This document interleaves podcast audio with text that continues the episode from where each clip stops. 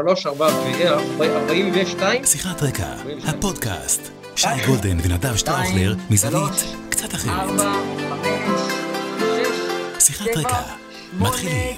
תשע, עשר, אהלן, אהלן, שיחת רקע, פרק מספר 42. אני נדב שטראוכלר, איתי פה שייקה הידוע בכינויו מנשייפט.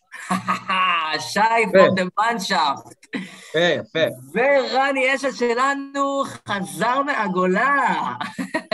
רונלדו מה... מה? רונלדו מתל אביב. רונלדו התל אביבי, קריסטיאנו. לגמרי, לגמרי, לגמרי, לגמרי. אז אנחנו כאן, כמובטח, כמצופה וכרצוי וכמתחייב, אה, איתכם כאן גם היום בפרק אה, מיוחד במינו, עם הרבה מאוד דברים מעניינים. אנחנו נהיה תמציתיים, כי אנחנו פה, מה לעשות, יש טירוף של יורו, יש כאלה שלא בעניין, יש כאלה שכן בעניין, אבל קורה יורו, ובלאגן שלם, ואנחנו בטירוף של האירוע.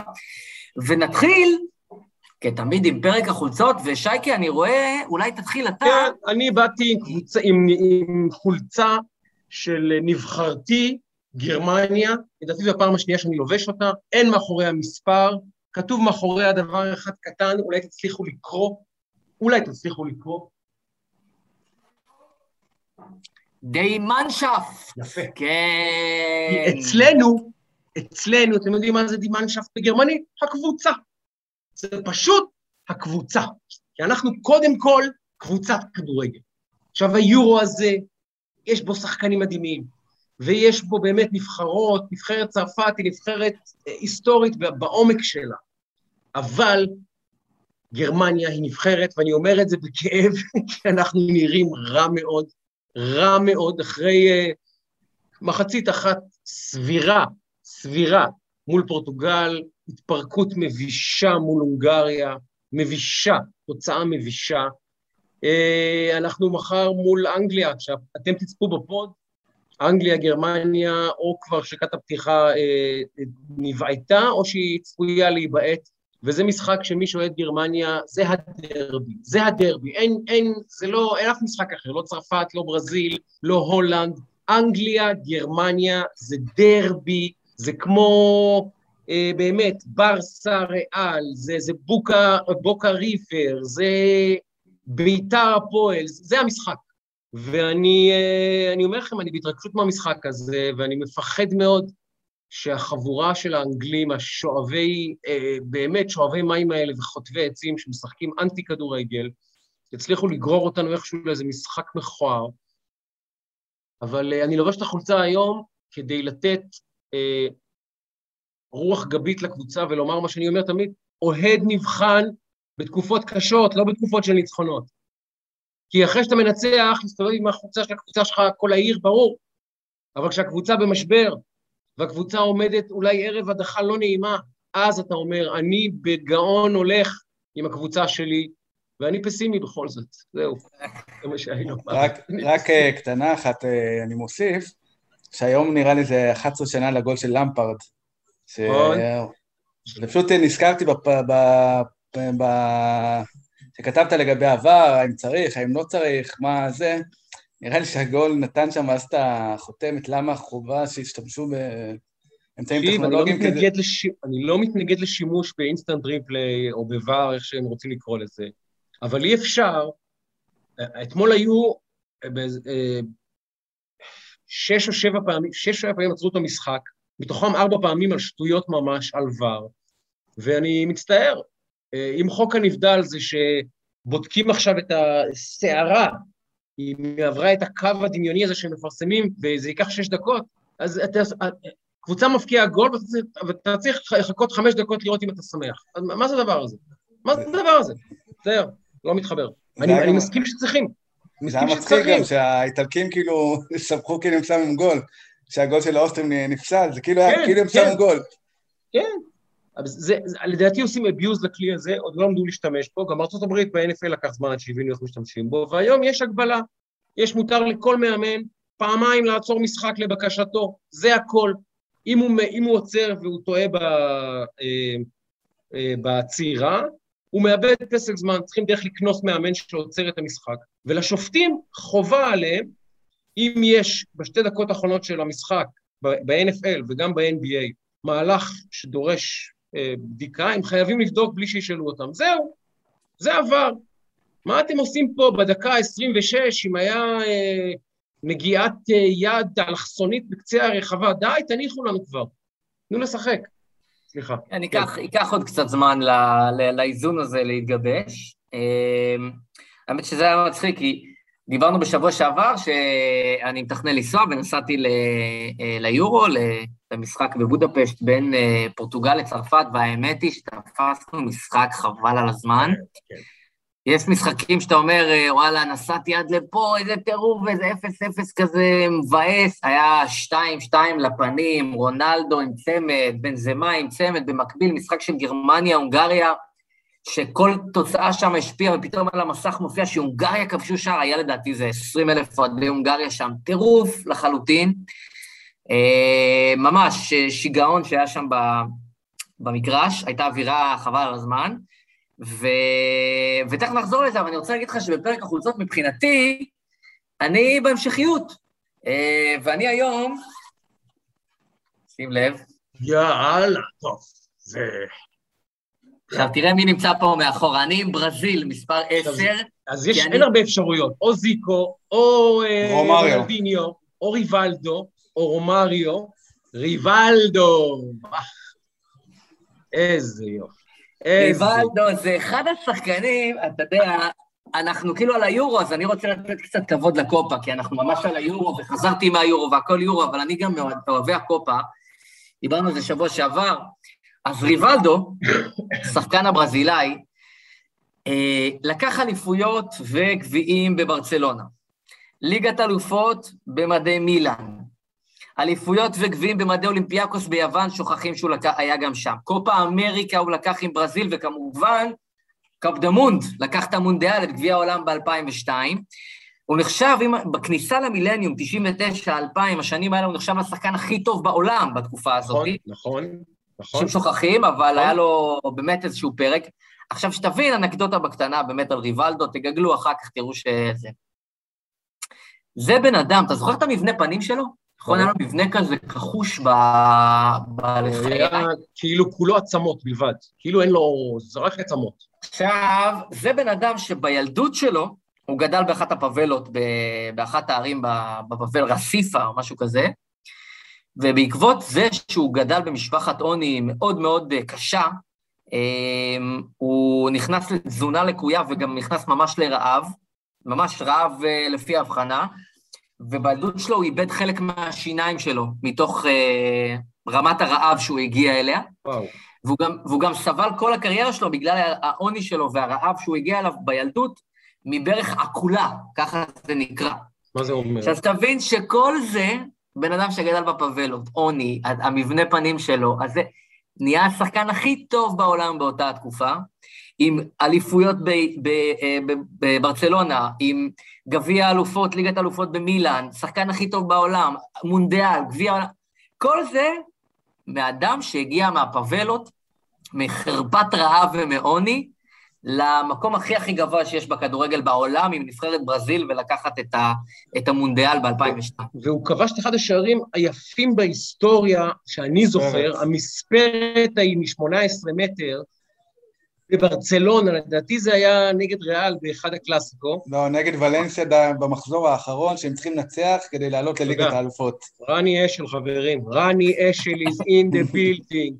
איזה גול, איזה גול, יש גולים שאתה רואה אותם, כשאתה רואה אותם בזמן אמת, אתה אומר, זה גול שכל החיים אני אספור את הגול הזה, זה לא... זה. מעטים הגולים, כמו הגול של במבסטן בהולנד, שאתה, אתה יודע, ב, ב, סליחה, מול רוסיה, גולים שאתה אומר, אני מבין שאני אדבר עליו כל החיים. אגב, כאילו, ו... זה הכוכב הכי אנטי כוכב שהיה, כאילו... נכון. אנטי... חסר כריזמה לחלוטין. בדיוק, אבל... חסר כריזמה. כי מספר עשר בברזיל זה זה רוקסטאר, זה סמל. אתה לובש את העשר של הצהוב ירוק של הסלסאו, כמו שאומר נדב יעקבי, נדב יעקבי, אז אה, זה, יש לזה... זה משמעות תרבותית והיסטורית ו- ואופנתית, וזה זה, זה משהו. אגב, כשזיקו לבש את מספר עשר, הוא היה העשר הלבן הראשון מאז פלא, והיחיד מאז. לא היה עשר יותר בברזיל, אפילו קקה לא זכה ללבוש עשר. זיקו הוא העשר היחיד הלבן מאז 58 של אה, פלא. ופלא הפך את עשר לעשר כמובן, אה, בכל העולם. אבל בברזיל, עשר בברזיל, זה אולי הנבחרת היחידה, אולי הספורט היחיד, שבו המספר שאתה לובש על הגב המסוים הוא מעמד, ממש. הוא ממש סמל סטטוס. אם אתה זכית ללבוש את עשר, זה אומר משהו על הסטטוס שלך בכדורגל הברזילאי באותו תקופה.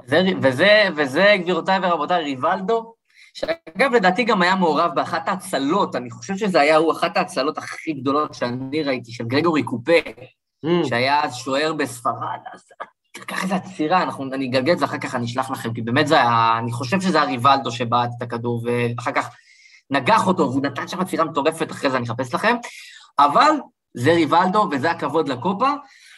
באנקדוטה עוד על היורו, אמ, אז אני חשבתי, והאמת שזה עלה לי בסוף שיחתנו בפרק הקודם, שדיברנו ו, ודיברנו על הקטע של אברה, ונגיד שהיום אברה, אה, שאנחנו מקפידים בכל שבוע, אה, להזכיר ולהציף ולהגיד, אז 2,486 לילות וימים שנמצא בשבי החמאס.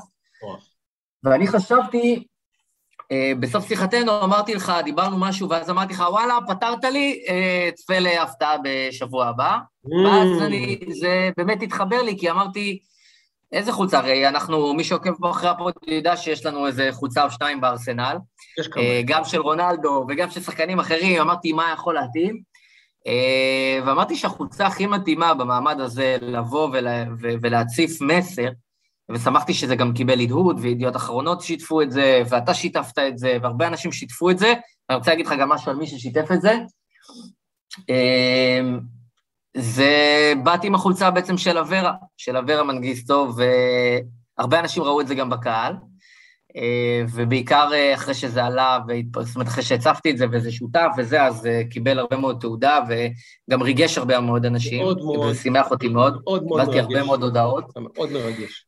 הדבר המדהים, וגם מצד שני קצת הכעיס ומחמיר לב, אני לא יודע איך להתייחס לזה, אבל נכנסתי למה שידיעות אחרונות שיתפו, ואני חושב ש-90% מהאנשים ששיתפו את זה הם מהקהילה האתיופית.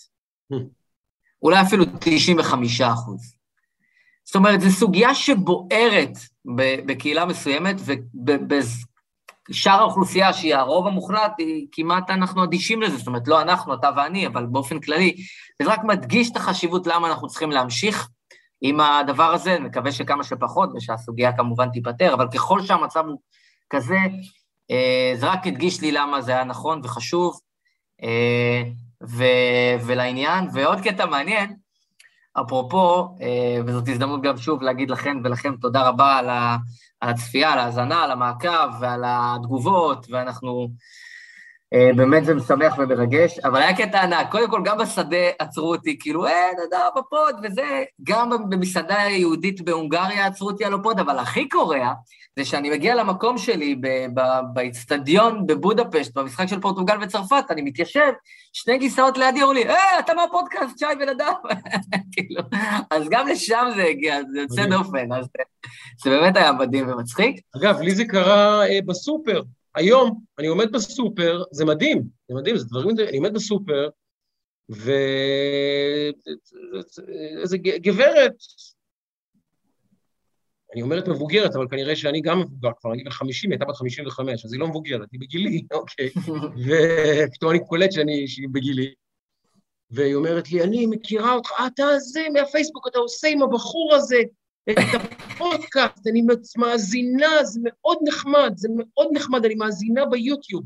עכשיו, זה כל כך ריגש אותי. אמרתי, באמת, רציתי, רציתי לחבק אותה. רציתי לחבק אותה. אה, אני רוצה להגיד לכם שהיורו האחרון ב-2016 התקיים בין, בין עשרה ליוני לעשרה ביולי. מי שניצחה בו היא פורטוגל, והיא ניצחה את צרפת בגמר. את המשחק הזה אברה מנגיסטו בילה בעזה. רק שיהיה לכם קנה מידה. פשוט שיהיה לכם קנה מידה. את המשחק הזה שלפני חמש שנים, שעכשיו אני מזכיר לכם נשכחות, מה זה נשכחות? צרפת פורטוגל, נסו להיזכר במשחק, נסו להיזכר בטורניר, נסו להיזכר מה עשיתם אז בטורניר הזה, בעשרה ביוני אה, אה, 2016, הוא לפני זה נשבע, כן? הוא כמעט שש שנים. תחשבו, את היורו האחרון, שנראה לכם עכשיו היסטוריה, היסטוריה, חמש שנים, מה עבר עלינו מאז, הוא היה בעזה אז. זה, זה המושג של כמה זמן אברה נמצא שם. תכניסו את זה לראש כשאתם אומרים, אה, סופרים, אז מה? זה מזעזע. מדהים, באמת, זה באמת. מדהים. תגיד, אה. ספר לי קצת, כן, רגע, בוא, אה, אה, רני פה, בוא ננצל את ההזדמנות. רגע, לפני שאני. עוזב אתכם, אני רוצה אבל לשאול משהו. לא, רציתי, נדב, אתה ראית מה כתוב בעיתון היום? שמה? אנשים שואלים אם שי גולדן ייעלם לנו לחודשיים כאן, ב... לא, לא, לא, שי גולדן לא הולך לאח הגדול, בואי ננצל את ה pod, לא הולך לאח הגדול. נעשתה אליי פנייה, אני מודה, אה, וכיוון שאני אדם מנומס, כשמזמינים אותי אני מגיע, הגעתי, ניהלנו שיחה, אני, האח הגדול היחיד שיש לי הוא רן גולדן, ואיתו אני אהיה בחודשיים הקרובים ברחוב הירדן ובאור עקיבא, זה הכי קרוב לאח הגדול שאני אגיע. אנחנו כמובן, אין לי שום דבר רע לומר על התוכנית, על האנשים, ולמי שצופה בה, מפרגן מעומק הלב. אני בוחר את רן גולדן בתור אח גדול. זהו, לא רע בכלל, אגב. כן, בחירה לא רע. בואו נעשה סבב קצר של הימורים, כמו שאנחנו אוהבים. נעשה הימור עכשיו של הגמר והזוכה, כדי שנוכל אחר כך אה, לחלק אה, תעודות הצטיינות לצ- לצודים, לצודקים ותר"שים לזה. נתחיל עם רן אשל, שהוא גם עובד בערוץ הספורט, הוא אדם רציני מאוד, בבקשה. תן לי גמר וזוכה. ותנסה לא מהבטן, מהלב ומהביצים, אלא מהראש הפעם. לא, לא, אני חושב שהקבוצות הכי טובות, אני מקווה, זה יהיה בלגיה נגד צרפת. אני חושב ששם נמצא הכי הרבה כישרון. אני חושב, אני חושב ששני השחקנים הכי טובים בעולם כרגע, כולל אה, מסי ורונלדו, זה קווין דה ברוינה וקיליאן אמבפה, ואני חושב שזה יוביל אותם לגמר, כי בשביל גמר אתה צריך את הכוכבים שיקחו אותך קדימה, ואני מאמין ששניהם זה, זה, זה יהיה הגמר.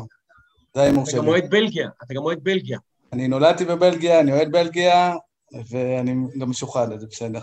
אתה ער לזה שזה בלגיה-צרפת בחצי, כן? אם וכאשר. אה, זה בחצי? או-אה. כן, כן, הם- הם לא נפגשות בגמר, הם לא הם באותו צד של ההגרלה. אני אשלח לך אחרי זה את ההגרלה, שתראה, הן נפגשות בחצי, בהנחה ששתיהן מנצחות הכל, אז במקרה הטוב, אם היא רוצה לעבור את צרפת, שהיא באמת, זה הדרבי האמיתי בבלגיה, היא, סליחה, לזכות בגמר, היא תצטרך לעבור את צרפת בחצי. ודנמרק כן. באיזה צד? דנמרק, זה מעניין מה שהתפתח, אה, דנמרק, צ'כיה ברבע אחד, עכשיו אנגליה וגרמניה אה, קרוב לוודאי יגיעו שתיהן לרבעים שלהם, אנחנו כנראה נלך לחצי, סליחה, כלומר או אנגליה או גרמניה תגיע כנראה לחצי מהצד השני, אז אנחנו. כנראה, כנראה, כנראה ספרד גם בצד של דנמרק, של, סליחה, של צרפת. יש לנו צרפת, איטליה, אה, בלגיה, אה, מי עוד פספסתי מהחזקות? בצד אחד של ההגרלה, ובצד השני, החלש יותר, גרמניה, אנגליה, ועכשיו דנמרק וצ'כיה.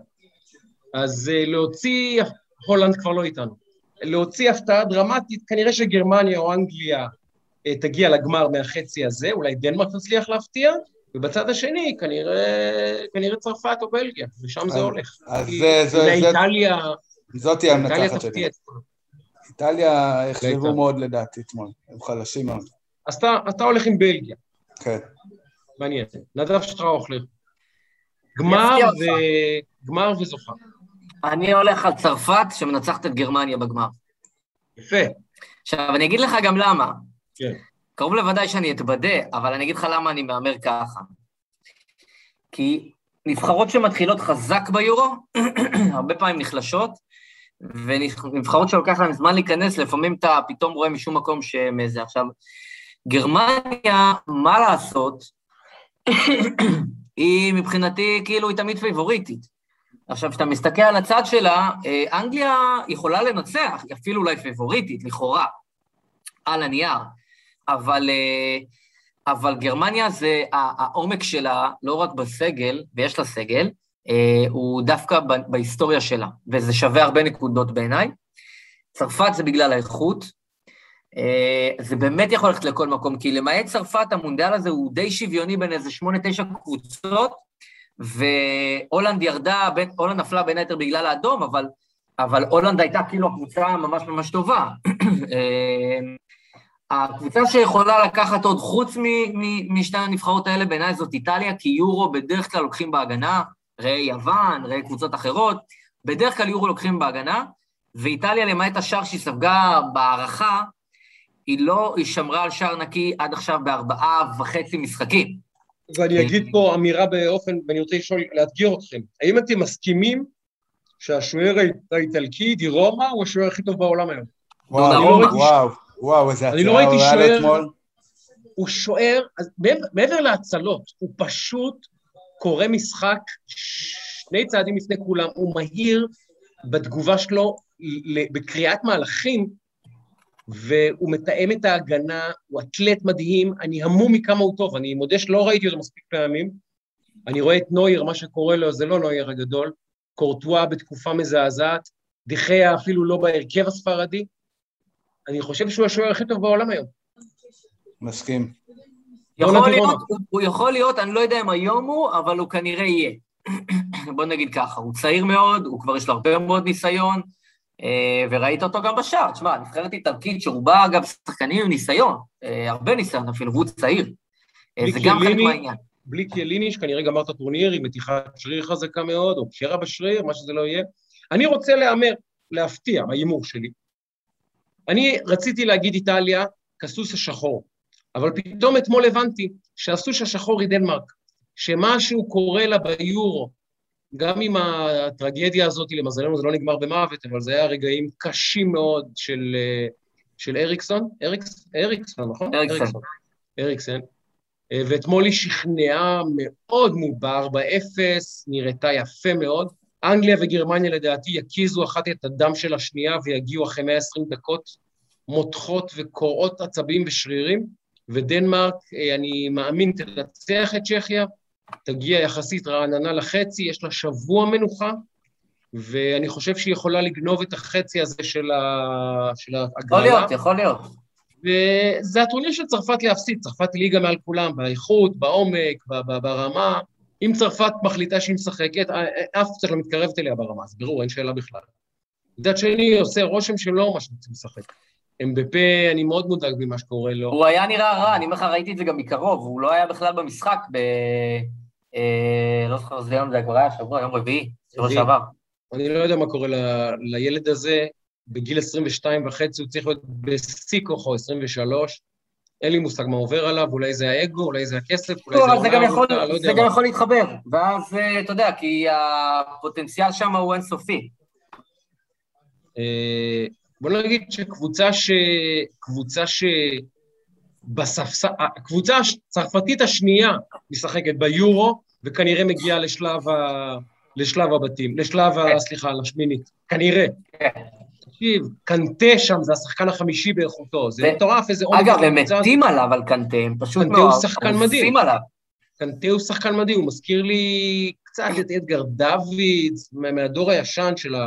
אתה יודע, הקשרים הדפנסיביים ששורפים שטחים, והוא יודע לעשות התקף, הוא שחקן ענק, ענק, ענק, ענק. יותר, יותר מזה, שחקנים כאילו יכולים לזייף לידו, הם יודעים שגם אם זייפו, פתאום לא ירדו להגנה, תמיד יהיה מישהו שיחפה להם, מישהו ייתן את הגליץ'. אותו שחקן יש לאיטליה, קוראים לו ז'וניניו, ואותו שחקן יש לגרמניה... אה, ז'ורג'ינו, סליחה, שחקן ענק, גם כן, הוא פשוט עושה עבודה של ארבעה שחקנים בהגנה ובקישור ההגנתי. אה, את הטורניר הזה מחזיק לבד לגרמנים אה, אה, קרוס, טוני קרוס, ואם הגרמ... הקבוצה הזאת תגיע לאנשהו זה יהיה בגלל טוני קרוס, אבל מילר זה לא השחקן שהיה, נויר לא השחקן שהיה... אתה צודק בהכל, אתה צודק בהכל, בסוף לגרמניה יש את ה... זה גרמניה, זה גרמניה. כמו שהולנד, כמו שהולנד עפו אחרי שהם הציגו כאילו טורניר מצוין עד עכשיו, זה בדיוק אותו דבר, הולנד, בגלל זה ישראלים מזדהים כל כך עם הולנד, אתה מבין? זו גרמניה, זו פשוט תשמע, גרמניה ו... תשמע, אה, טוב, אני רוצה להתקדם עכשיו על כמה נושאים? כן. ברשותך? אה, יאללה. רני, אתה מוזמן להישאר כמובן. אני, אני יכול לפתוח ולדבר על נאור ריחקה? זה חשוב לי, זה ממש יושב עליי מהבוקר. בשנות ה-50 השתוללה בארצות הברית אה, תופעה שנקראת... רק תסביר למי שלא יודע, לא מכיר את הסוגיה. כן, יותר, אני אסביר את זה. יותר, המבוא שבשנות ה-50 השתוללה בארצות הברית תופעה שנקראת מקארתיזם. מקארתיזם היה בעצם ועדה שהקים הסנטור מקארתי, במפלגה הרפובליקנית, שנועדה לוודא שלא יסתננו קומוניסטים לממשל האמריקאי, לתרבות האמריקאית, לשירות הציבורי האמריקאי, והתחילה מה שנקרא לייצר רשימה שחורה, רשימה שחורה של אנשים שחשודים בהיותם קומוניסטים. עכשיו, מה זה חשודים בהיותם קומוניסטים? הם לא היו ברוסיה, הם לא פעילים במפלגה הקומוניסטית. חלק מהם הביעו הזדהות, פעם עם דעות שמאל, חלק מהם אולי אה, היו בכנס של סופרים ופגשו סופר רוסי, כל מיני דברים כאלה הזויים ומקושקשים, והם פתאום בלקליסטד. עכשיו, דור שלם של יוצרים ומדענים ואנשי אקדמיה וסופר, ואנשי רוח, ובאמת דור שלם פשוט הושתק למשך 10-15 שנה בגלל המקארתיזם הזה, בגלל הפרנויה וההיסטריה המטורפת מהקומוניסטים, אה, ואנחנו עכשיו עוברים בישראל דבר דומה. מזעזע, אין לו שם עדיין, אבל הוא, הוא פה, וזה מתקשר לסיפור של נאור יחיא. בשעתו, כשהתברר שמר בנט הקים את הממשלה, צייצו כמה וכמה אנשים, ביניהם מו"ל כלכליסט יואל אסטרון, ביניהם אלדד יניב, צריכים לטהר את ישראל מביביסטים ואת השירות הציבורי מביביסטים ואת העיתונות מביביסטים וכולי וכולי וכולי. והנה, ראש הממשלה הנכנס, נפתלי בנט, מטבע הדברים רוצה למנות לעצמו את האנשי שלמה ואת הדוברים שלו, תפקידי אמון ומאנשי מקצוע שלו, בטבע הדברים. ולמר נתניהו היו כמה אנשים שעבדו במערך ההסברה הלאומי של ישראל, עובדי מדינה, לא פעילי ליכוד, לא פוליטיקאים, לא חברי מרכז, עובדים. אז במקרה נאור יחיא הזה עבד בדובר צה"ל, שהוא בית רגע, ספר... רגע, רק, רק לעדכן לך משהו קטן. תקן אותי אם צריך. אה, נאור לא היה עובד מדינה בהגדרה, הוא היה אוקיי. אה, עובד הליכוד בעצם. זאת אומרת, הוא לא... זה רק, רק עניין טכני, אבל יש לו משמעות, והוא בעצם מועמד לבוז'י, לנשיא. אוקיי, כן, כן, ברור, אבל הוא איש כן. מקצוע. נאור כן, כן, גויס כי הוא איש. מקצוע. הוא לא מינוי פוליטי, הוא לא מינוי חברי, הוא לא מינוי אישי. באותה מידה. שנתניהו, מינוי מקצועי, הוא גדל בדובר צה"ל, שהוא בית ספר עדיין הכי טוב בישראל לכל מה שכרוך בדוברות. מטבע הדברים, בגלל שהיה בבית ספר הכי טוב לדוברות בישראל, הוא עבר, ל, אה, התקדם כשיצא לשוק האזרחי והצטרף למקום לא רע בכלל, יחידת ההסברה של ראש הממשלה, ואחרי שהוא סיים את תפקידו שמה, הוא רוצה להמשיך פשוט בחייו המקצועיים, ומר הרצוג, הנשיא, שמכיר את נאור ויודע איזה איש מקצוע מעולה הוא, הרים לו טלפון, אמר לו, נאור, היית תרצה להיות אה, דובר הנשיא? עכשיו, אין אדם אחד בישראל שיאמר שמקצועית זה לא מינוי מהראויים ביותר במדינה כיום. אדם שיש לו קורות חיים מתאימים פיקס לדבר הזה. אבל, אבל, לצערו של מר יחיא, הוא נתן שירותים לראש ממשלה ששמו נתניהו. אם היה נותן שירותים לראש ממשלה אחר, לא היינו בכלל מנהלים את השיחה הזאת. וכמה מהומה גדולה, גדולה, גדולה, גדולה, גדולה, אנשים רציניים, ליאור חורב, אלדד, איך קוראים לו, ברק רביד, עוד כל מיני גאונים, כותבים בצורה ברורה, אסור, אסור שאדם שעבד עם נתניהו יעבוד עם הנשיא, אלדד עם איזו תיאוריה, תיאוריה הזויה, הוא יעשה נתניהו חנינה במשפט שכנראה הוא ממילא יזוכה בו, אבל זה לא משנה. אבל הטענה היא שהוא שותף לנוכלות ולשקרים ולהסוואה ולא יודע מה, והיום, ואני אסיים בזה, תנועת קריי מיניסטר עונה אה, לנשיא הרצוג במכתב, מבקשת ממנו לעצור את המינוי של איש המקצוע, אה, נאור יחיא, מהסיבה שזה מסכן את מדינת ישראל ומסכן את הדמוקרטיה, וכל הנאומים שאומרים על נתניהו פשוט עכשיו השליכו על נאור יחיא. אז אני רוצה להגיד לכם ככה, חברים, וזה הפיץ' האחרון שלי, נאור מכיר, אה, סליחה, נדב מכיר הרבה יותר טוב את נאור ואת כל העניין הזה, אז אני כמובן שיותר חשוב לשמוע אותו, אבל אני אגיד ככה, זה מקארתיזם בהגדרה. בהגדרה אתם מקארתיסטים, בהגדרה. מי שאומר שאסור לקחת איש מקצוע לעבוד במקום אחר בגלל שיש לו אה, זיהוי עם, עם, עם מישהו מהצד השני, הוא מקארתיסט בהגדרה. עכשיו, השאלה היא כזאת, וזו השאלה היותר מעניינת, האם גם, נגיד בנט מביא איתו עכשיו שתי מזכירות, והוא אומר למזכירות, תמצאו עבודה. האם המזכירות האלה עכשיו נגועות בביביזם וגם הן אסור להן לעבוד יותר בשירות הציבורי? האם גם הנהג של נתניהו, שנגיד עכשיו לא יהיה נהג ראש הממשלה, אלא אולי ירצה למצוא עבודה במשרד אחר, האם גם הוא פסול? האם גם מנהל החשבונות? האם גם החשמלאי? האם גם מנהל המשק? כל מי שהיה במשרד ראש הממשלה ונתן שירותים מקצועיים הוא עכשיו פסול? כי נאור יחיא לא שונה בהרבה מהחשמלאי, לא שונה הרבה ממנהל החשבונות, לא שונה, לא שונה הרבה מהמזכירה, הוא פשוט נתן שירות מקצועי. אז אם עכשיו כל מי שעבד אצל נתניהו צריך להיות מובטל, אז שנבין, פשוט שנבין. כי יש רשימה לא קטנה של אנשים שהם פשוט נתנו מקצוע, אה, שירות, סליחה, למשרד הכי חשוב בישראל, משרד ראש הממשלה, וממש לסיום. ישראל היא המדינה היחידה בעולם, בעולם, שבה אתה צריך להסתיר היום בקורות חיים שלך שעבדת במשרד ראש הממשלה. כי בכל מקום אחר בעולם, כשנאור ריקי עכשיו נכנס, מחפש עבודה ואומר, עבדתי במשרד ראש ממשלת ישראל, הוא מיד מקבל כוכב ליד. מיד מקבל ליד זה וי ירוק. הוא אדם שעבד באחד המשרדים החשובים בעולם בהתמודדות עם תקשורת. זאת אומרת שהוא איש מקצוע מאוד מיומן. רק בישראל, נאור יחיא עכשיו מוקצה מחמת מינוס. בכל העולם הוא נחשב להיות אחד. איש מקצוע שעבד בבית ספר, אחד מהטובים בעולם לתקשורת. אבל בישראל הוא פסול. לשם אנחנו הולכים. טוב לדעת. זה הכול. בושה. בושה וחרפה.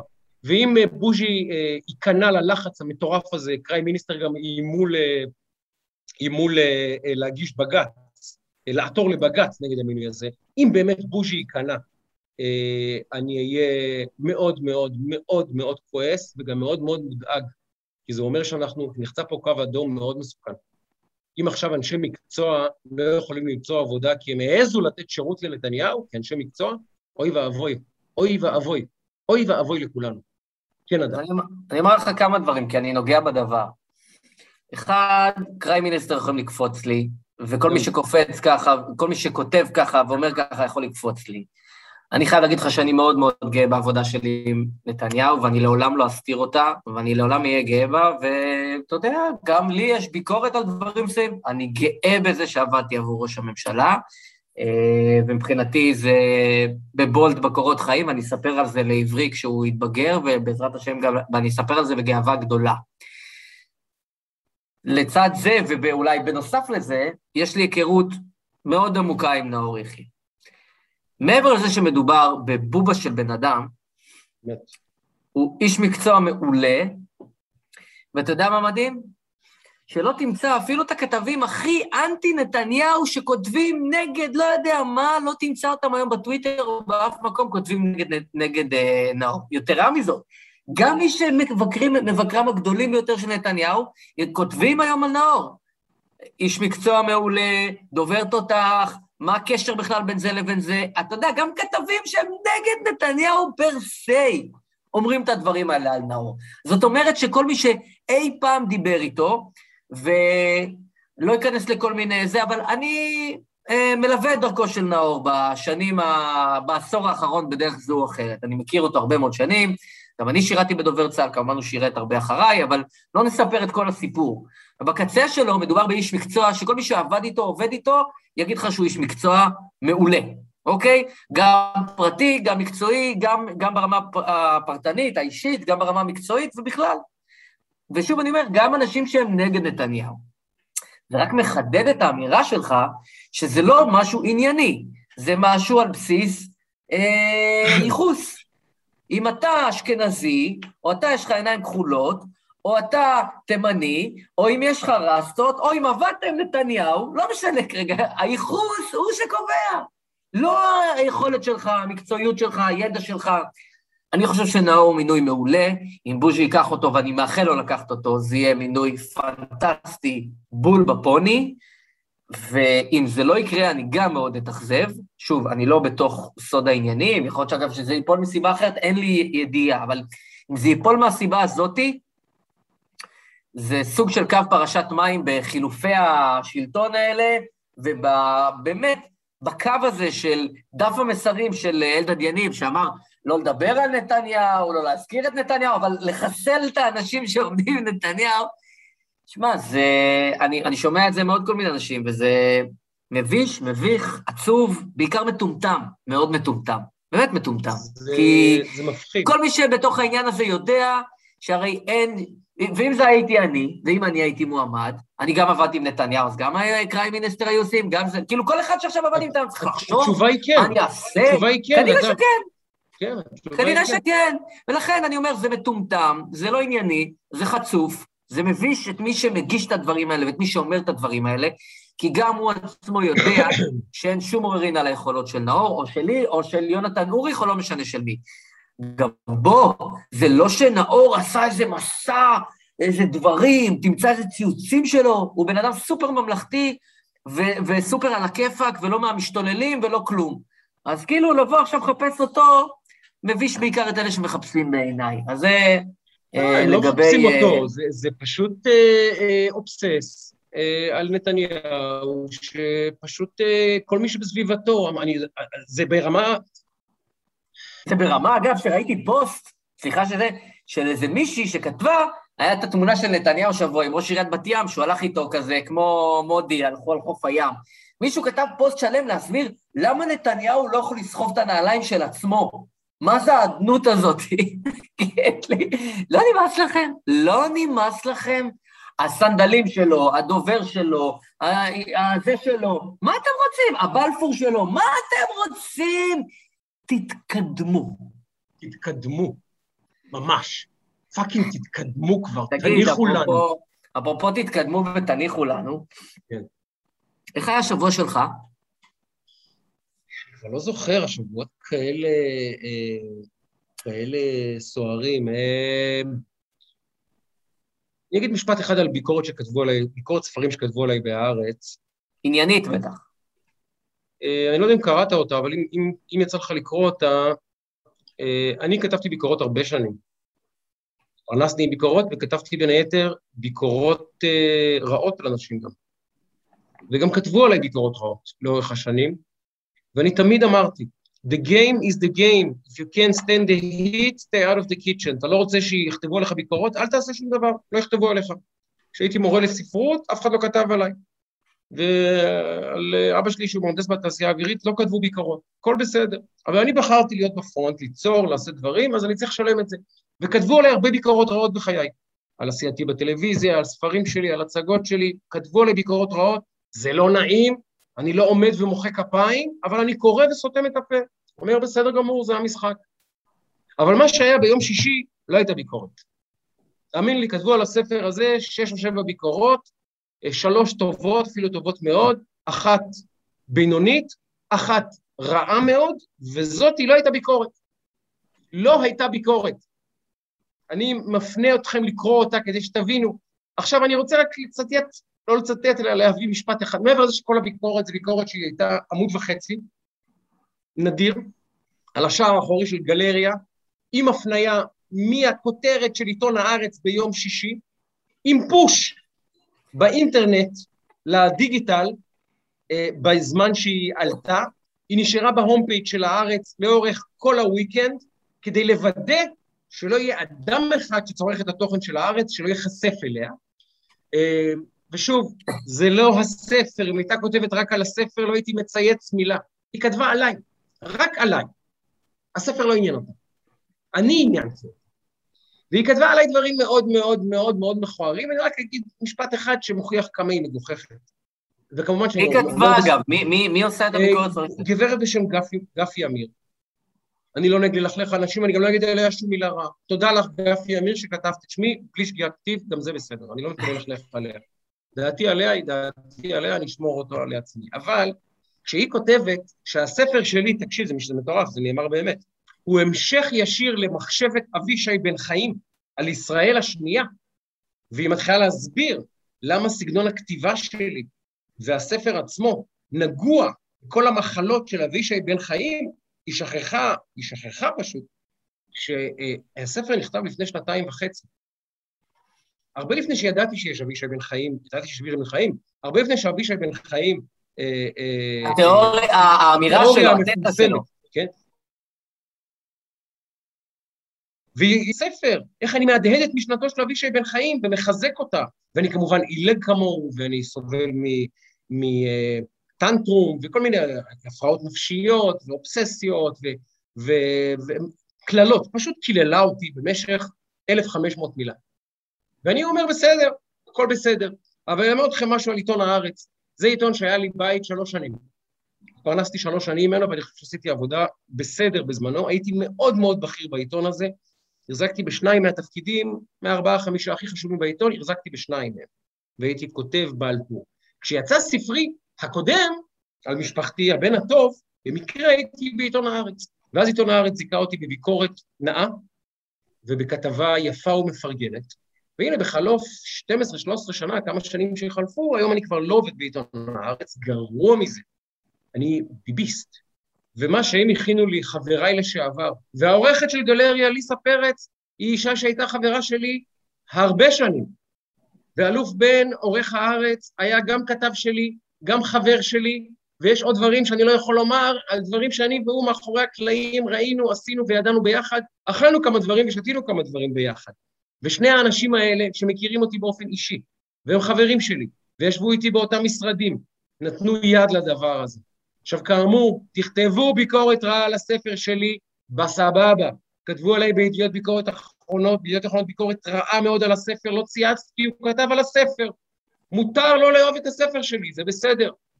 אבל זו הייתה ביקורת שניסתה לעשות דבר אחד, להשמיד אותי כסופר, כעיתונאי וכאדם לגיטימי בשיח הישראלי. תקראו כדי להבין, תקראו, זה לא קשור לספר, זה קשור אליי. אז כמו שרוגל אלפר השתמש בביקורת טלוויזיה כדי לקרוא לכל אדם על כדור הארץ פשיסט, גפי אמיר השתמשה בביקורת ספרים כדי להסביר למה אני והבוביזם שלי הם פשע נגד האנושות בגדול. וזה כתם על עיתון הארץ. ככה לא עושים לעובד שלך לשעבר שלוש שנים, וככה לא עושים באופן כללי לסופר, וככה באופן כללי לא מתייחסים לספרות. ובושה, בושה גדולה, באמת. זהו. זה מתכתב ממש אחד לאחד עם הנושא של נאור, הנושא נכון. הקודם. זה יושב על אותו, על אותו גזע ואותו שורש, אותו גזע ואותו שורש, וזה מכוער, זה מכוער. כי לא נותנים לאנשים לחיות פה אם הם העזו להגיד מילה על נתניהו, ועכשיו לוקחים ספר, באמת, על אבא שלי, ספר אישי, אינטימי קטן, והופכים אותו לחלק ממורשת אבישי בן חיים וביבי? מה, אתם רציניים? ספר על אבא שלי בשואה? ספר על ה... איך הוא לוקח אותנו מבית יתומים זה ספר על אבישי בן חיים וביבי? אתם fucking רציניים? מאיזה פסים ירדתם? זה... אין לי, אין לי מילים כבר, רני, באמת. אין לי מילים כבר. אני, אני, אני לא יודע מה, אפילו איך להתייחס לזה. אתה חייב לקרוא את הביקורת כדי להבין. זה היה פשוט ניסיון התנגשות ספרותי בי כסופר, בלי קשר לספר. כן, זה. זה מזכיר לי, אגב, שאנחנו צריכים לה- להזמין את אבישי אה, לאחד הפודים הקרובים. אה, אבל זה, זה, תשמע, זה, זה עצוב, כי האנשים האלה שוכחים אה, שפעם אחת אתה פה ופעם אחת אתה שם. ו... והגלגל מסתובב ודברים זזים, וכשאתה מתנהג בצורה כזאת אה, לאנשים, אחר כך מה שנקרא, קשה לבוא להתלונן כשמתנהגים אליך ככה. אה, קצת פוליטיקה, אה, אפרופו אה, איך שמתנהגים וכולי. תראה, יש לנו את הנושא של חוק האזרחות שהולך לעלות, והוא בסערה גדולה, לא בגלל החוק עצמו ומה אה, אה, שיקרה ממנו, ותכף אני אעריך לך מה, מה, מה, מה אני חושב שיקרה, אלא מהקונספט הזה של קואליציה-אופוזיציה ומה שקורה כרגע ביניהן. אה, קודם כל אנחנו רואים אה, את כל מה שקורה עם רע"מ, אה, עם סעיד אל-חרורי, איך קוראים לו? סעיד אל-חרורי? כן. שזה מדהים, שבן אדם אחד מחזיק, אתה יודע בדיוק איפה, קואליציה שלמה ודה פקטו מדינה שלמה, וכל פעם זה יהיה בן אדם אחר, זה, זה, זה הסיפור של קואליציית 61. נכון שיש את הרשימה המשותפת שהיא מגבה, וזה לא בדיוק 61, זה 66, אפשר להגיד, 66, 7, לא משנה. אה, אבל, אבל הם לא בתוך האירוע, ולכן כל דבר שמנסים להעביר, אז בן אדם אחד, זה יכול להיות יאיר גולן, זה יכול להיות אה, סעיד, זה יכול להיות אה, מרב אה, מיכאלי, ויכול להיות כל אחד אחר, שיכול להפיל את זה. מה שאנחנו רואים עכשיו, רק בהתחלת האירוע, אה, מרמז על שני דברים שהם כמעט דבר והיפוכו, אבל אני, אני אסביר לך אותם. הליכוד אה, מתנגד, הוא לא רוצה. אה, בכלל האופוזיציה לא רוצה לשתף פעולה עם האירוע הזה. עכשיו, יש פה בעיה, כי בוא, אה, זה לא חוק, זה לא אירוע שהליכוד אה, או כל אחת מסיעות האופוזיציה אה, לא, לא באמת תומכת בו, זאת אומרת, אה, מהותית ואידיאולוגית. זה רק אה, עניין של אה, הקונסטלציה הפוליטית. אני בתחילה חשבתי שבאמת צריך, אה, קודם כל רעיונית, באמת להתנגד לזה, כי האופוזיציה, התפקיד שלה זה לנצח, אתה יודע, להפיל את הקואליציה, להפיל את הממשלה, זה התפקיד שלה, זה התכלית שלה. ככל שאתה מתעמק באירוע הזה, אה, אני חושב שזה יהיה קשה מאוד אה, לא להעביר אותו, אה, ולא לעזור או לא להפריע אה, לקואליציה להעביר אותו. אני חושב שבקצה, אם אני צריך להמר, אה, נתניהו יאפשר את זה כיו"ר האופוזיציה, יאפשר את זה, יאפשר לזה לקרות, זאת אומרת, יעזור במרכאות בצורה כזו, בצורה אחרת לקואליציה להעביר את זה, אבל גם יעביר סוג של מסר שזה פעם אחרונה. זאת אומרת, אל תבנו עלינו יותר. אה, וגם יכחיך את הקואליציה בזה שדיברתם על זה שאתם עשרה אחוז ימינה, אז למה אתם צריכים עוד עשרה אחוז ימינה? אתם צריכים את האופוזיציה בשביל להעביר משהו שהוא כל כך כל כך בסיסי, והעריכו אותו כבר, לדעתי, 17 פעמים, כאילו, כל קואליציה. לא, זה גם האתגר הראשון שהם נתקעים בו, הם צריכים את האופוזיציה, בראשון. הממשלה בקושי שבועיים באוויר, והם כבר צריכים את עזרת האופוזיציה כדי להימנע ממשבר קואליציוני. יפה, אז זה, אז זה אחד, אבל זה הדבר הראשון, שאני חושב שבקצה, אם אני צריך להמר, אה, הם יראו כמה זה בעצם, יכריחו את הקואליציה מצד אחד, מצד שני, מצפונם האידיאולוגי לא יאפשר לא להעביר את זה בקצה, ותימצא הדרך להעביר את זה. אה, ומצד שני, זה גם טיפה מראה למה בהפוך על הפוך הממשלה הזאת, יש לה התכנות חזקה מאוד להחזיק הרבה זמן. כי, כי, כי זה מראה לך שהם ינסו למעט להגיע לסוגיות כאלה, מחד, ומאידך, הדבק הזה של עד שהגענו לשלטון, לא לעזוב אותו, וכמובן השנאה לנתניהו, זה מאוד מאוד מאוד חזק, זה דבק וגם, מאוד מאוד עוצמתי. וגם, בסוגריים, ותמשיך אחרי הגם, יש לכולם שם מה להפסיד. אז בדיוק. התחושה הזאת שלכל אחד יש מה להפסיד אם הממשלה מתפרקת, היא דבק לא רע. נכון. עכשיו, יש, לה, יש כמה תחנות, התחנה המשמעותית היא התקציב, אה, שיש להניח שהוא יעבור, לכאורה, אלא אם כן יקרו פה דברים, אנחנו יודעים שבפוליטיקה הישראלית הרבה דברים יכולים לקרות, אבל התקציב הוא אירוע משמעותי. אה, ו, ולאחר מכן יכולים לקרות כל מיני דברים, אבל מהרגע שזה עבר, הסבירות של הקואליציה שתחזיק שנה, שנתיים, ואולי אפילו יותר, הוא די גבוה. אה, אם אני צריך להמר למרות שזה קואליציית 61, יש לה עדיין את הבטן של אה, המפלגות הערביות. לכולם באמת יש אינטרס לא להפיל את הממשלה הזאת, כי הם נמצאים בעמדות המפתח, מה שהם לא היו הרבה מאוד שנים, ולא בטוח שיהיו גם בעוד הרבה מאוד שנים, כי נוצרה פה קונסטלציה פוליטית מאוד מאוד מאוד מיוחדת.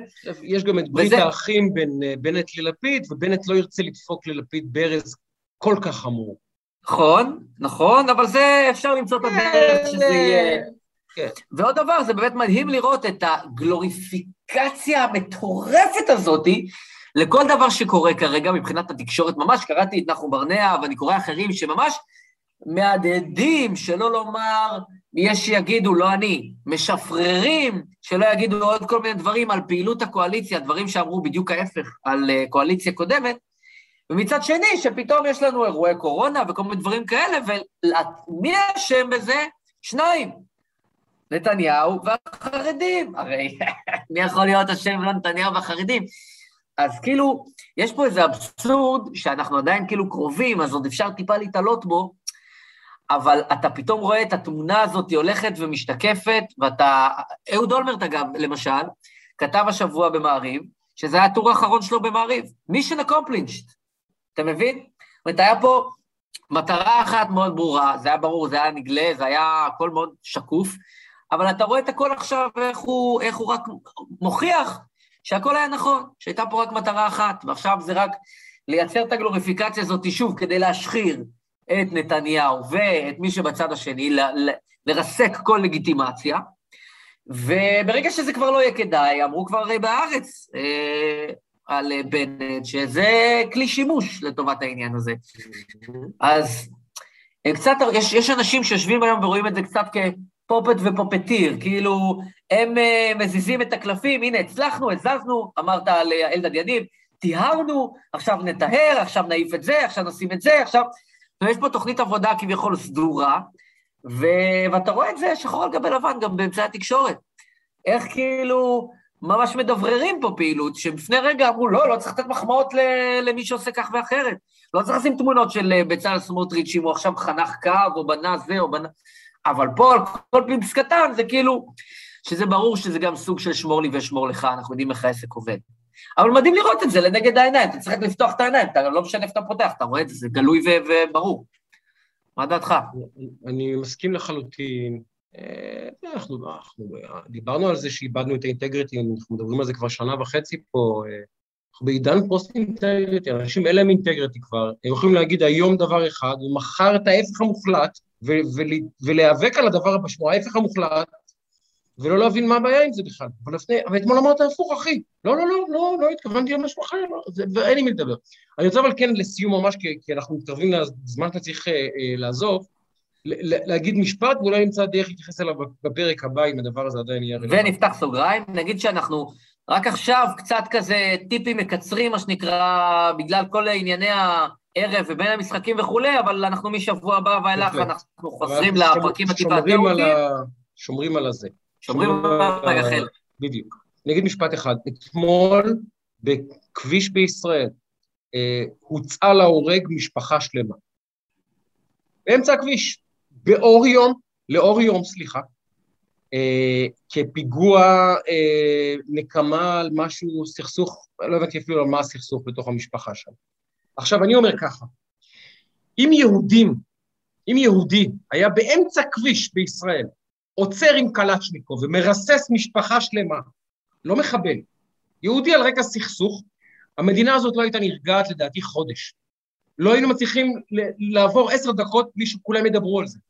היינו, הייתה, בלוויות היו עשרות אלפי אנשים, ראש הממשלה היה נעמד בשמונה בערב, צריך לתת שעה הסברים איך דבר כזה קורה בישראל, משפחה מוצאת להורג ב- לאור יום באמצע הכביש.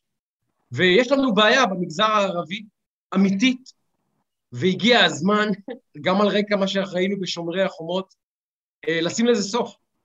כי אה, אתה רואה את התעוזה, אתה רואה את חוסר הפחד, אתה רואה את חוסר הבושה, אתה רואה את חוסר ההרתעה של כוחות uh, המשטרה הישראלים. כי אם הם יוצאים עם קלצ'ניקוב, זה ליד עילבון, זה כביש, מי שמכיר את האזור הזה, יורדים ליד עילבון לכביש מהיר, ופשוט מרססים משפחה, אמא, אבא, שתי ילדות, אחת למזלנו נשארה בחיים, וממשיכים בדרכם. וזה נשמע להם פעולה שאפשר לבצע, והם יודעים שלא בעוד רבע שעה יהיה הימ"מ אצלם בכפר, ויוציא את כולם למעצר, את כולם, עוד באותו ערב, 50 חב... אה, עצורים, באותו ערב, כמו שמתייחסים לכל פעילות פח"ע. אה, אבל זה פשוט נמשך כאילו כלום, אז אנחנו בבעיה קשה, והבעיה הזאת היא כבר מול העיניים שלנו, ואם לא נתעורר, אוי לנו, אוי לנו. אולי נקדיש לזה פרק יותר נרחב באחד הפודקאסטים, אולי נביא אורח לזה, אבל אני חייב לדעת שהרצח אתמול הדהים אותי, זעזע אותי, טלטל אותי, ומטלטל אותי מאוד מאוד, שזה פשוט עוברים על זה לסדר היום. זו ידיעה בעמוד שמונה בעיתונים. חברים, משפחה הוצאה להורג אתמול באמצע כביש בישראל. פשוט הוצאה להורג, אין דרך אחרת לתאר את זה. זה לא פיגוע, זה לא פלילי, זה פשוט משפחה הוצאה להורג על רקע סכסוך בין משפחות. וזה לא ייאמן. ועברנו על זה לסדר היום, וזה חמור מאוד. תראה, וצריך להגיד שגם המגזר הערבי וגם מה שקורה אה, בפזורה הבדואית, שזה אזור שאני מכיר מצוין, אה, יותר מאזור עילבון, את הפזורה הבדואית אני מכיר באופן אישי. אה, שמע, זה, זה אירוע שיושב על הממשלות הקודמות, יושב גם על שלטון נתניהו וגם על הממשלות שלפני נתניהו. מחדל מתמשך היסטורי. מחדל מתמשך, חד משמעית. והאירוע הזה, ש... אגב, המילה מחדל נעלמה, שמת לב? המילה מחדל נעלמה. שמעת פעם את ה... זוכר את המילה הזאת, מחדל? היה עוד איזה מחדל, היה עוד איזה עוד איזושהי מילה, כל מיני מילים כאלה שהם היו כאילו באזור חיוג של אה, אה, ועדת חקירה, כל מיני כן. דברים שעכשיו הם זהו, הם פסה, כאילו רק עכשיו רטרו על התקופה ההיא, אבל אם יש עכשיו אה, ענייני קורונה וזה, לא, זה נשמע. בכלל מדהים לראות את המסגור בפושים. אני מציע למי שיש לו פושים של כלי התקשורת המובילים, אה, לשים לב מה נאמר ומה לא נאמר. אחד הפושים המעניינים היו בוואלה השבוע, נאמר, שר האוצר קבע בבולד, אה, דמי החל"ת יעצרו, בלה בלה בלה. נכנס לכתבה, אתה רואה שזה המשך ישיר, גם כתוב, המשך להחלטה של הממשלה הקודמת, בלה בלה בלה. אבל, אבל, אבל אתה רוצה לקעקע את ליברמן, שר אוצר חזק, קבע, שר אוצר קבע. המסגורים אה, סביב כניסת הממשלה החדשה, הם מרתקים במיוחד. תשימו לב היטב למה, אה, על מה שמים את האצבע ומה פתאום נעלם, אפרופו מחדל, אין יותר מחדלים, זה כבר אה, נחלת העבר.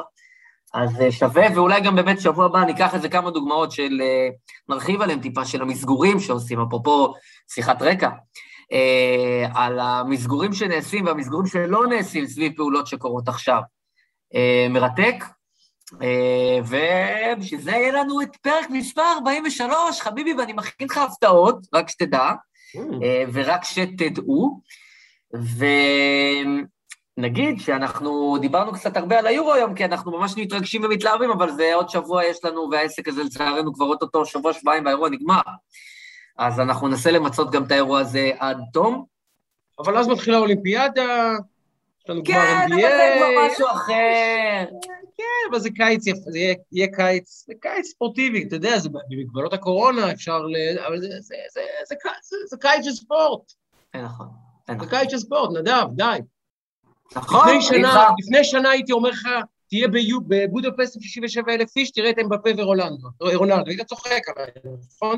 הנה, אז די, זה קרה. מה, זה באמת הייתה חוויה יוצאת דופן. אה, אגב, כל הלוגיסטיקה שם, כל הארגון, כל ה... זה מסביב, זה היה מדהים, לפנות 70 אלף איש במטרו, תוך 20 דקות הייתי כבר על, ה, על, ה, על המטרו, תוך אה, חצי שעה כבר הייתי במרכז העיר ליד הדירה שהייתי בה. מדהים. בכלל, כל ההכוונה, כל הזה, היה קצת ניג'וזים עם הבדיקת PCR, ולך, ותביא, וצמיד, ותוריד אפליקציה, מלא מלא מנגנוני הגנה כאלה, אה, כדי כאילו לשמור שם על העניינים, אבל בסך הכל, המון דגלי ישראל ביציעים, דגלי בית"ר, דגלי מכבי חיפה, היה כאילו די... וחולצה של אברה עדיין חי. כן, כן, כן, כן. זה הכל. גאה בך מאוד, תדע, גאה בך מאוד, בשמי ובשם, אה, באמת, כל, אה, וגם רני פה, באמת, כל הכבוד, כל הכבוד, אחי, מאוד מאוד כן, זה היה, זה היה בהחלט הדבר הנכון, ושמחתי מאוד שזה אה, באמת אה, ריגש הרבה מאוד אנשים והביא למודעות של הרבה אנשים, ובאמת זה הגיע לתפיסה. לא ירדת להחליף חולצות למטה עם רונלדו? תן לו את אברה, קבל את רונלדו? לא, לא היה קטע במשחק עם ביברס נטחו, במשחק של פורטוגל-ישראל כהכנה, שנטחו אמר, רונלדו ביקש ממני, או משהו כזה, כאילו רונלדו ביקש... כן, אמרתי, הוא ביקש ממנו במחצית, לא סתם, במחצית, אחי, אני יכול את החולצה שלך, נטחו, ביברס, ביברס. רץ, הוא, צעק לשוער שלו, לא, לא, תיקח לביברס, אני לוקח לביברס את החולצה, לא לגעת לביברס. אחי, גם אחרי זה הוא נתן את זה לאפסנאי, אמר לו, אתה מכבס את זה, אתה מניילן את זה, אני רוצה איזה special delivery אליי הביתה. זו חולצה של ביברס, כן? ליד מסי, מסי וביברס, זה כאילו ה benchmark. אחד הסיפורים האמינים ששמעתי בספורט העולמי, אבל אני מפרגן לביברס, אני אוהב אותו מאוד, אז אני מפרגן לו. אוהב אותו, מפרגן לו. מפרגן לו את החולצה של רונלדו, והוא מחזיק חולצה של רונלדו, מגיע לו. מפרגן לו מאוד אין ספק אבל שזה היה המוב הכי מהר שלו בארבע שנים האחרונות. הכי מהר? אין ספק. גם קריאת המשחק, הקריאה של המהלך, של הנוכחות של האנשים על המגרש, מתי הם הולכים לחדר הלבשה, איפה השופט, מה, הוא קרא את, תקשיב, הוא קרא את המהלך, הוא קרא את המהלך. אה, בוני אומר, המהלך המדויק. המהלך המדויק. יפה מאוד, אז עם המהלך המדויק הזה, אנחנו כונסים את הפרק המכונס שלנו לכתחילה, פרק מספר 42 של שיחת רקע. אז שוב נגיד תודה רבה לכן ולכן, לא מובן מאליו על ההאזנה, על הצפייה, אנחנו ביוטיוב, אנחנו בפייסבוק, אנחנו בספוטיפיי, אנחנו בגוגל פודקאסט, באפל פודקאסט, אנחנו בדיוטי, אנחנו במגרשים ביורו, בכל מקום אנחנו נמצאים, שזה מגניב ונחמד, אז תמשיכו, זה מאוד מרגש אותנו, באמת באמת. אה, אז תודה רבה לכן ולכם. אני נדב שטראוכלר, אתה שייקה, die Mannschaft. אגב, שים לב, רני, אם היה מספיק וירטואוז, היה אומר, חברים, אני באתי עם חולצה של הטור דה פרנס. תסתכל את החולצה. אה, כי יש טור דה פרנס. אה, יש גם מה להתייחס על זה, מסכנים, כל הישראלים שם התרסקו, עזוב. אה, כן, מה, האמת? תקשיב, יש ישראלי בטור דה פרנס, זה לא הוא התרסק אתמול, מסכן, יש שם קבוצה של... כן, כן, אני יודע, שמעתי. ו- ותקשיב, זה ישראלי בטור דה פרנס, ואנחנו לא מדברים על זה בכלל. זה לא מה זה, זה אירוע ספורט מהגדולים בעולם, וזה פשוט עבר מעלינו. הייתי אומר שזה זמן. אבל... הייתי אומר שזה מחדל, אבל- אבל המילה הזאת היא נעלמה ב... לא, לא, זה לא מחדל. זה לא מחדל, זה מקארתיזם. מחדלים. זה מקארתיזם אחר. אה, יפה מאוד. יפה מאוד, אז נגיד תודה רבה רבה לכן, לכם, לשייקה, לרני, אני נדב שטראוכלר, ותודה רבה לכם, ואנחנו מאחלים לכם שבוע מבורך וסלמת.